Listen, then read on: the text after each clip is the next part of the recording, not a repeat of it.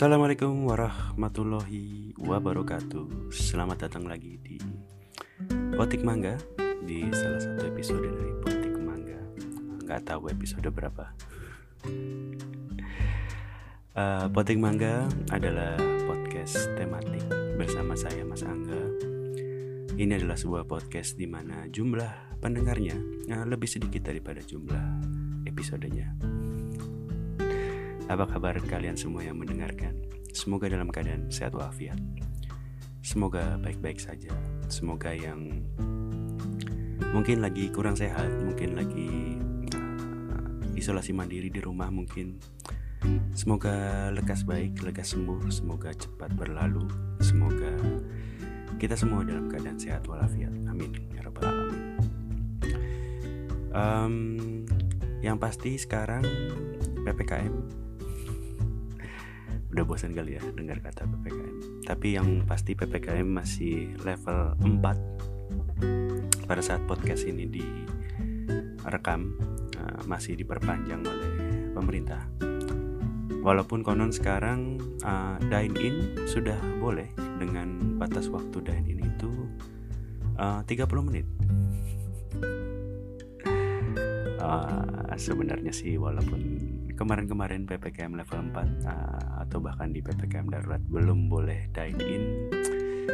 Pada kenyataannya banyak juga sih banyak yang bandel uh, dine in makan di tempat di restoran atau di warungnya. Uh, terutama di warung-warung pinggir jalan ya di kaki lima. Bukan yang di mall karena di mall jelas tutup.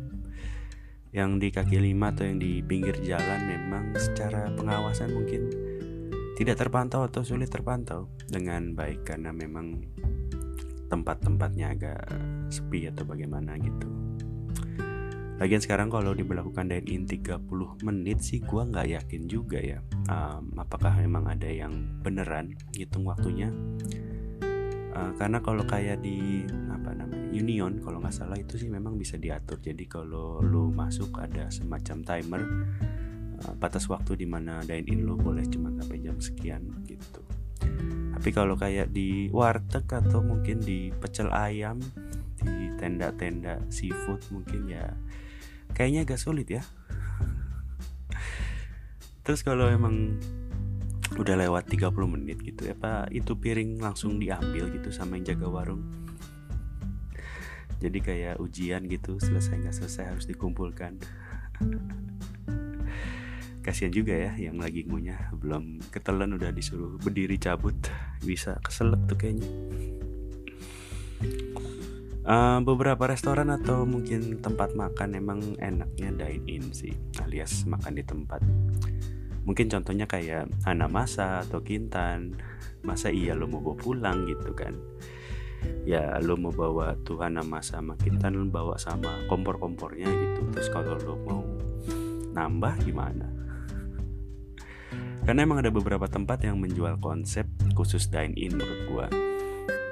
Jadi kayak emang makanannya nggak buat dibungkus gitu kayak all you can eat atau buffet atau tempat makanannya yang mungkin secara restoran atau secara lokasi itu memang jualannya dari lokasinya itu gitu. Ada view pemandangan mungkin baik di pegunungan, di pantai atau mungkin bahkan di gedung bertingkat di situ ada mungkin ada live musiknya di mana makanan itu memang bukan jualan dia utama. Walaupun gue nggak bilang makanan yang gak enak ya tapi memang orang ke sana bukan mencari makanannya tapi mencari situasi dan tempat uh, tempatnya gitu. Ya beda kayak nasi padang. Nasi padang yang entah kenapa kalau dibungkus lebih enak dan lebih banyak pasti porsinya. Um, uh, buat lo yang mungkin bertanya-tanya kenapa sih nasi padang kalau dibungkus porsi lebih banyak? Itu memang masih jadi kontroversi sejarahnya alias banyak perdebatan belum tahu juga yang beneran karena memang tidak pernah tercatat dalam sejarah secara persis kenapa nasi padang kalau dibungkus uh, porsinya jadi lebih banyak. Karena konon sejarahnya dulu nasi padang itu adalah makanan yang cukup mahal makanan para ningrat para bangsawan atau bahkan para Belanda gitu ya ya sampai sekarang juga mungkin nasi padang sedikit lebih mahal ketimbang uh, warteg gitu misalnya jadi di mana rakyat jelata, rakyat biasa kalau memangnya mau beli itu memang harus bungkus karena ada yang bilang nggak boleh makan di tempat karena bukan buat rakyat jelata. Ada yang bilang karena kalau makan di tempat uangnya nggak cukup, jadi makanya dia harus bungkus. Dan karena yang jual itu konon sesama rakyat, jadi yang jual itu iba, kasihan jadi nasinya ditambahin supaya ketika dia makan bungkusannya dibuka bisa makan bareng keluarga di rumah. Bisa buat makan berdua bertiga atau bahkan berempat sekaligus. Kurang lebih begitu ceritanya. Mohon kalau ada kesalahan saya dimaafkan. Karena emang kayaknya nasi padang ini gue cukup yakin banyak dari antara lo semua yang bisa makan nasi padang cuman pakai nasi sama kuah doang gitu. Gue tau lah ada beberapa orang yang bisa makan nasi padang nasinya seabrek lauknya dikit karena dia makan pakai kuah gitu. Dan nasi padang ya makanan padang lah terutama gitu ya. Terutama rendang gitu sebagai lauknya. Memang kayaknya udah jadi trademark makanan kita buat kita banggakan ke orang luar negeri gitu. Um, contohnya gue pernah bahas ini juga kayaknya di podcast episode dulu-dulu 2020 kayaknya uh, Gordon Ramsay aja sampai ke Sumatera Barat langsung buat bikin rendang. Lu bayangin tuh Gordon Ramsay uh, bule nih Inggris gitu ya datang ke Sumatera Barat buat bikin rendang langsung gitu. Kayak ibaratnya kalau lo mau bikin spaghetti lo datang ke Milan gitu atau ke Napoli gitu langsung gitu. Dia pengen tahu banget sejarah dan proses pembuatan rendang asli di tanah kelahirannya di Sumatera Barat gitu tapi bicara mengenai Sumatera Barat ada hal lain selain nasi padang dan rendang dari Sumatera Barat yang belakangan menjadi buah bibir Ay sedap para netizen tanah air Asik. Jadi gubernur dan wakil gubernur Sumatera Barat belakangan banyak diomongin orang karena baru aja membeli mobil dinas baru nih guys. Beli baru ya dari dealer bukan beli di mobil bekas di showroom atau beli di OLX langsung ke user gitu. Kayak lagi ngetren kan belakangan mobil 90-an mobil bekas. Jadi Bapak Gubernur Sumatera Barat Bapak Mahyildi Ansarullah dan wakilnya Pak Audi Junaidi itu baru aja beli mobil baru. Belinya dua ya masing-masing satu. Pak Gubernur satu mobil Pak Wagub satu gubernur eh Pak Wagub satu mobil juga dengan anggaran kurang lebih di 1,4 miliar. Buat yang mungkin yang ngikutin beritanya mungkin lo penasaran Duit segitu 1,4 M beli mobil apa ya?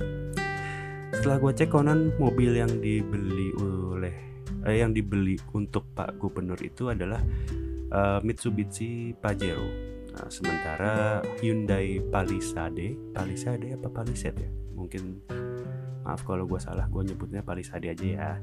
Hyundai Palisade itu dibeli untuk Pak Wagub um, gue jujur agak kurang paham sama harga harga mobil gitu ya.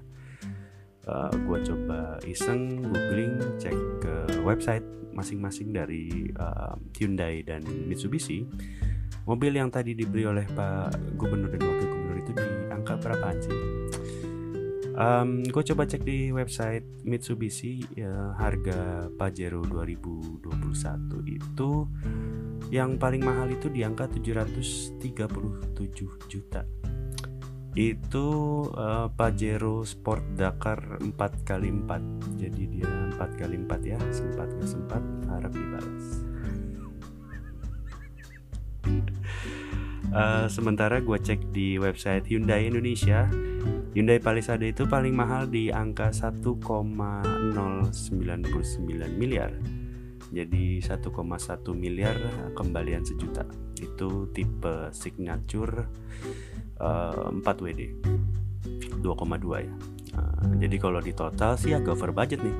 Jadi si pacar itu di 737 737 juta sementara di Palisade itu 1,1 miliar. Sekitar 1,7 m nih kalau gue hitung-hitung kalau dia beli yang paling mahal. Padahal konon nah, yang diberitakan budgetnya 1,4 m. Ya uh, mungkin aja tipe yang dibeli gue salah gue salah ngecek. Mungkin tipe yang dibeli mungkin yang bukan yang paling mahal. Tapi masa iya sih beli buat gubernur dan wagub bukan spek yang paling tinggi nanti kalau speknya nggak paling tinggi gitu misalnya kan pakai spek yang rendah bisa jadi nggak maksimal dalam penggunaannya. Um, bisa jadi demi menjalankan tugas yang uh, mulia untuk melayani rakyat kan memang harus menggunakan barang dengan kualitas terbaik. Jadi supaya rakyat yang dilayani juga bisa terlayani dengan baik gitu. Ya gitu nggak sih atau ya mungkin aja bisa dapat harga bagus dari dealer gitu. Jadi dari angka 1,7 m yang tadi gue cek bisa diskon 300 juta. Karena emang harga yang gue cek itu kan harga yang di website uh, price list uh, atau mungkin publish rate dari uh, masing-masing merek tersebut.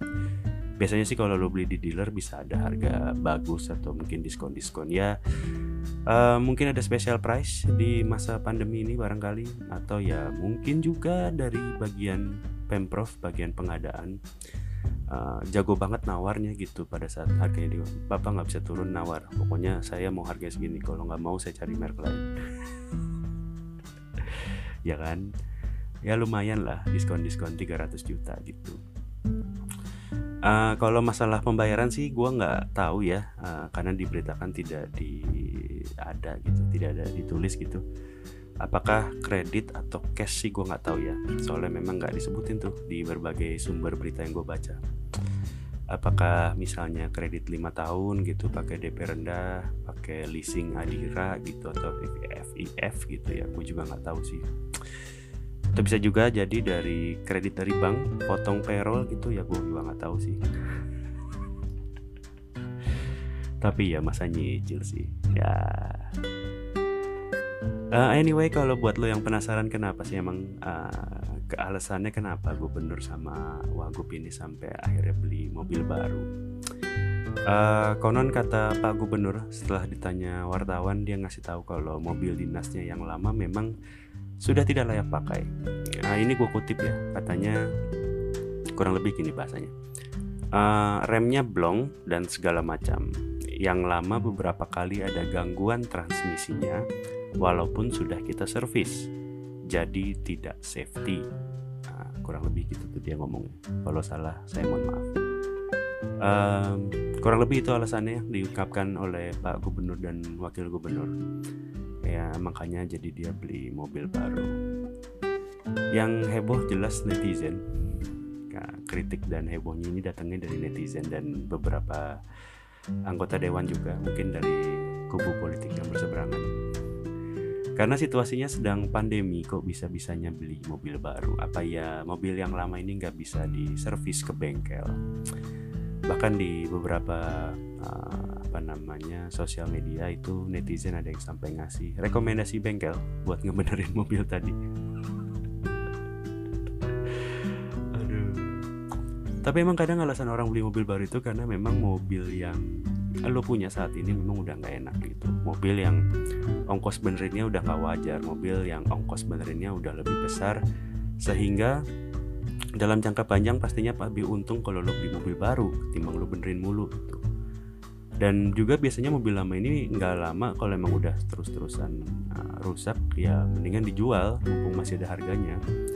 Biasanya buat nambah-nambahin lah buat beli mobil barunya gitu Um, tapi yang pasti setelah dikritik oleh banyak pihak, uh, seperti tadi gue bilang dikritik netizen, beberapa anggota DPR juga mengkritik dia.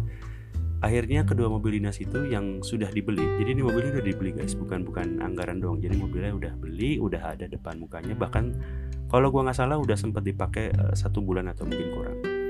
Akhirnya mobil dinas itu diserahin sama gubernur dan wakil gubernur Sumbar ini kepada Satgas COVID-19 Provinsi Sumatera Barat tentunya ya.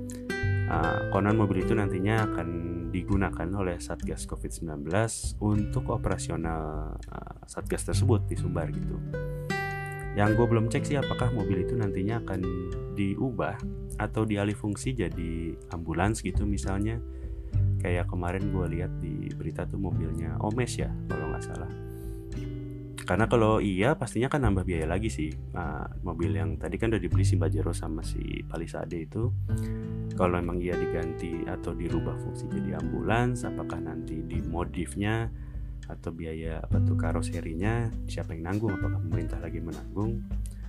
Uh, terus gue juga nggak tahu tuh apakah misalnya uh, nanti kalau misalnya keadaan sudah membaik di pandemi ini gitu apakah mobilnya bakal dibalikin lagi nih sama satgas uh, ke pemerintah provinsi gitu?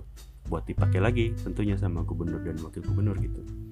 Itu yang gue belum tahu sih karena memang jangan sampai kalau nanti beritanya udah reda ternyata uh, beli anggaran mobil baru lagi gitu angka 1,4 m lagi gitu. Karena konon sementara ini sih uh, Pak Gubernur dan wakilnya pakai mobil pribadi untuk kegiatan dinasnya jadi nggak perlu khawatir buat teman-teman yang mengkhawatirkan bagaimana mereka mobilitasnya selama menjalankan tugas. Mereka nggak naik motor guys, mereka nggak naik um, angkot atau mungkin pesen taksi online, gokar atau grab car gitu.